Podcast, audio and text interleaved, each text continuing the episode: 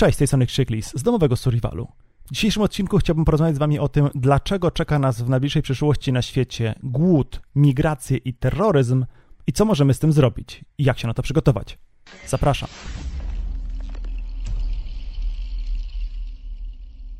Wojna w Ukrainie trwa już 3 miesiące i tak jak bezpośrednio chyba nam nie zagraża, chyba nam nie zagraża to, że rosyjskie wojska przez ukraińską czy białoruską granicę wkroczą do Polski i będziemy musieli z rosyjskimi trollami walczyć naszym sprzętem na polskiej ziemi, to jednak będziemy ponosić wszyscy, także my w Polsce, bardzo daleko idące konsekwencje tej wojny. Być może widzieliście tę okładkę tygodnika The Economist. To jest taki tygodnik dotyczący m.in. gospodarki wydawany od 1843 roku strasznie długo, nie? Ta okładka z kłosami, na których ziarna zboża zostały zastąpione przez czaszki, zrobiła na mnie ogromne wrażenie. Oprócz tego bardzo dużo dowiedziałem się z dwóch innych materiałów, które razem z tym artykułem podlinkuję oczywiście w opisie pod filmem, gdybyście byli nimi zainteresowani. Tytuł tego artykułu to Nadchodząca katastrofa żywnościowa i właśnie o to chodzi. Ukraina i Rosja to są ogromni producenci żywności, głównie zbóż i nasion oleistych. W tym artykule jest na przykład taka ładna tabelka podsumowująca handel pszenicą, nie?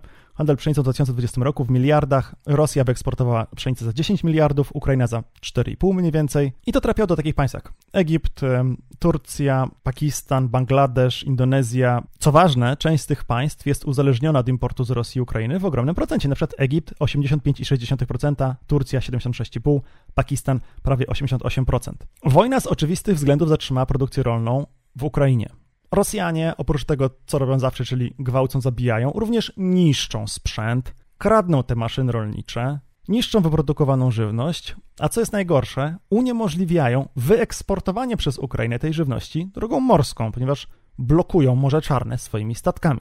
I w chwili, kiedy nagrywam ten materiał, jest już mowa o tym, że Ukraina dostała rakiety przeciwokrętowe Harpun, to jest e, świetna rakieta, która powinna im pomóc w odblokowaniu tej, tej blokady na Morzu Czarnym, ale nie mamy wcale pewności, że tak się w rzeczywistości stanie. Czyli z jednej strony Ukraina ma problemy z eksportem swojego już wyprodukowanego zboża, nasion roślin oleistych, z drugiej strony, z oczywistych względów, plony w nadchodzącym sezonie będą mniejsze. Jeszcze więcej żywności na eksport produkuje Rosja, która nie ma kłopotów technicznie z eksportowaniem tej żywności.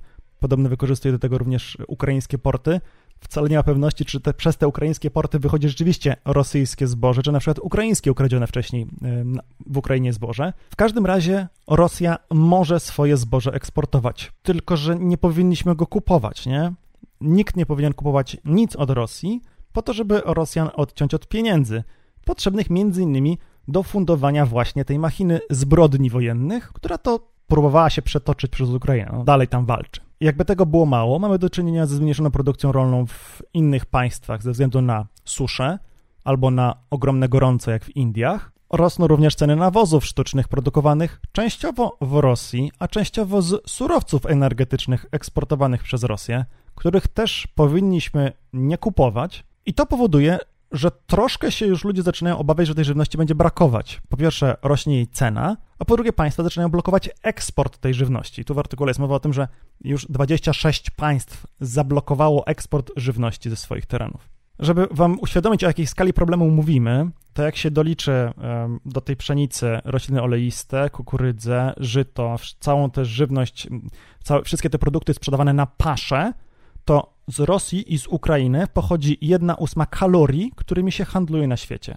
I my w Polsce w sumie głodu to się obawiać za bardzo nie musimy. Kiedy ta kwestia pojawiła się podczas któregoś z ostatnich Q&A, ja powiedziałem, że Polska tam produkuje żywności więcej niż sama zużywa, nie mamy się czym specjalnie martwić, nawet gdyby plony znacząco spadły, a z całą pewnością spadną przez koszty nawozów, to i tak sobie poradzimy. W najgorszym razie będziemy jedli trochę mniej mięsa, nie? bo mięso zdrożeje, pasza zdrożeje i ludzie po prostu przestaną kupować mięso. Może się okazać, że część hodowli krów, świń, drobiu po prostu się zamknie, zlikwiduje, ponieważ nie będą w stanie kupić dostatecznie dużo paszy w sensownych cenach, nie? Więc to raczej nie oznacza ryzyka, że Polacy będą głodować, to znaczy pomijając tych Polaków, którzy będą musieli zamknąć swoje hodowle, ponieważ nie będą w stanie ich utrzymać, nie? No to ci Polacy z całą pewnością będą mieli problem. Natomiast w skali kraju raczej nie będziemy głodować. Ale to my.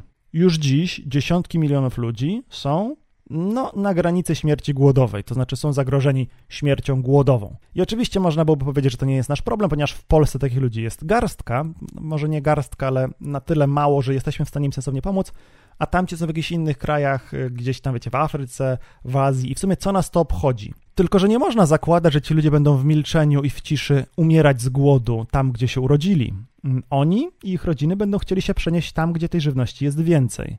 Będą potrzebować naszej pomocy. I my, jako cywilizowany Zachód, troszkę być może odpowiedzialny za to, za te państwa postkolonialne, prawdopodobnie będziemy chcieli im pomóc. Mam nadzieję, że uda się nam pomóc tym państwom na miejscu, ale niestety obawiam się, że to się skończy bardzo dużą falą imigracji. E, imigracji wykorzystywanej trochę też jako broń. Mieliśmy tego przykład na granicy polsko-białoruskiej zimą tego roku. Ale to nie jest tak, że przyczyną tej migracji będzie wyłącznie głód, czy wyłącznie wzrost cen produktów e, spożywczych, żywności, nie? Każda taka znaczna zmiana gospodarcza powoduje ogromne problemy w mniej stabilnych państwach. Protesty, obalania rządów, wojskowe hunty, terroryzm. I to też wszystko będzie powodować, że ludzie będą z tamtych państw chcieli wyjeżdżać. I jest też bardzo poważne zagrożenie, że ten terroryzm trafi do Europy, w tym może nawet do Polski, którą do tej pory raczej omijał. Tym bardziej, że wcale nie mówimy tylko o migracji z państw afrykańskich czy z, z biedniejszych państw Azji, lecz także z samej Rosji, która tych migrantów może wypchnąć właśnie przez naszą granicę do Europy. Nie? I mówiąc oględnie, Rosja będzie robić to w taki sposób, że nie będzie utrudniać jakimś organizacjom terrorystycznym podłączenie się pod ten strumień ludności. W ślad za tym można spodziewać się, że więcej terroryzmu, więcej ofiar terroru w Europie spowoduje dojście do władzy, a może no nawet nie od razu dojście do władzy, ale wzrost popularności różnego rodzaju ruchów prawicowych, które z kolei tradycyjnie są całkiem często sponsorowane przez Rosję. Żebyśmy się dobrze rozumieli, Rosja sponsoruje zarówno skrajną prawicę, jak i skrajną lewicę, jest obojętne kogo sponsorują. Ważne, żeby dzięki temu osiągnąć dla siebie jakieś korzyści. No i te skrajne grupowania będą postulować, aby się dogadywać z Rosją, żebyśmy się dobrze rozumieli. Putin używa żywności i głodu na świecie, czy widma głodu na świecie, jako broni. Broni, którą chce zmusić Zachód do zaakceptowania tego, co wygrał do tej pory w Ukrainie, do zdjęcia sankcji, do zaprzestania wspierania Ukraińców, do podporządkowania Rosji już zajętych terenów, do tego, żebyśmy zapomnieli o tych mało wygodnych zbrodniach wojennych, żebyśmy dalej współpracowali, żebyśmy dalej kupowali ten gaz ziemny, to jest takie świetne paliwo dla zmian klimatu, żebyśmy też węgiel kupowali, no już jest trochę mniej dobry, ale, ale też dobry w Polsce, super węgiel, nie? I mam wrażenie, że stoimy naprawdę przed ogromnym wyzwaniem. Jak sobie możemy z nim próbować poradzić? No, przede wszystkim oczywiście powinniśmy jeszcze kupować żywność.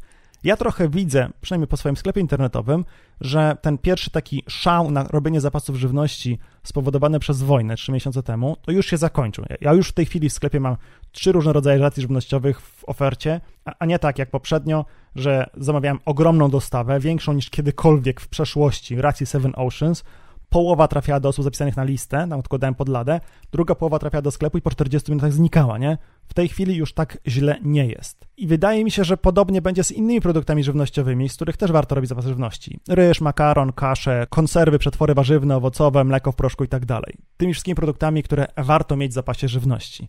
Olej podrożał, masło podrożało, Olej tańszy raczej w najbliższej przyszłości nie będzie. Wspomniałem o tym, że sporo tych roślin olej oleistych pochodzi właśnie z Ukrainy i z Rosji. Więc jeśli nie macie sensownego zapasu żywności, to zróbcie go. To jest materiał o 30 najlepszych produktach nadających się do zapasu żywności. Jeśli nie macie w ogóle żadnego zapasu żywności, to wydaje mi się, że to jest naprawdę ostatni moment, żeby zrobić go w sensownych cenach, za sensowne pieniądze. Potem, potem będzie tylko drożej. Tylko pamiętajcie o tym, żeby kupować żywność, którą realnie zjecie, a nie, że się potem ją wyrzuci.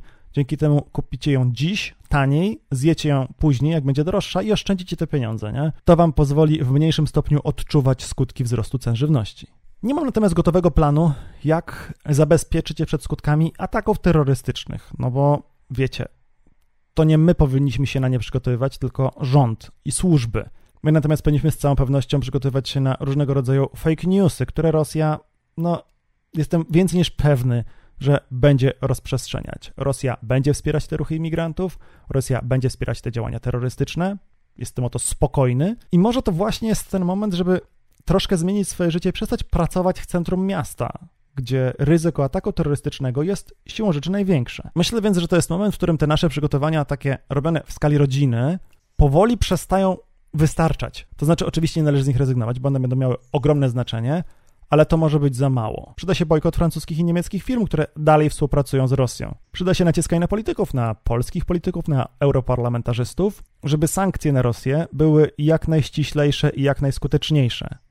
Tak, musimy się trochę przemęczyć. Może będziemy musieli jako Zachód trochę zasponsorować żywności biedniejszym państwom, wesprzeć te państwa w tym zakresie, po to, żeby te sankcje w ogóle były możliwe. Po to, żeby Rosję jako tego europejskiego, czy może raczej bardziej azjatyckiego terrorystę zagłodzić, a potem rękami Ukraińców pokonać, powybijać zęby i połamać kończyny. I rozwiązaniem problemu nie będzie śmierć Putina, bo jego następca wcale niekoniecznie musi być lepszy, Rosję jako państwo, jako naród trzeba pokonać. Po prostu, bo ona stanowi ogromne zagrożenie dla Europy, teraz mniejsze niż kiedyś, i w przyszłości będzie to zagrożenie tylko rosnąć. My natomiast musimy po prostu robić swoje. Sukcesywnie, konsekwentnie zwiększać zapasy żywności.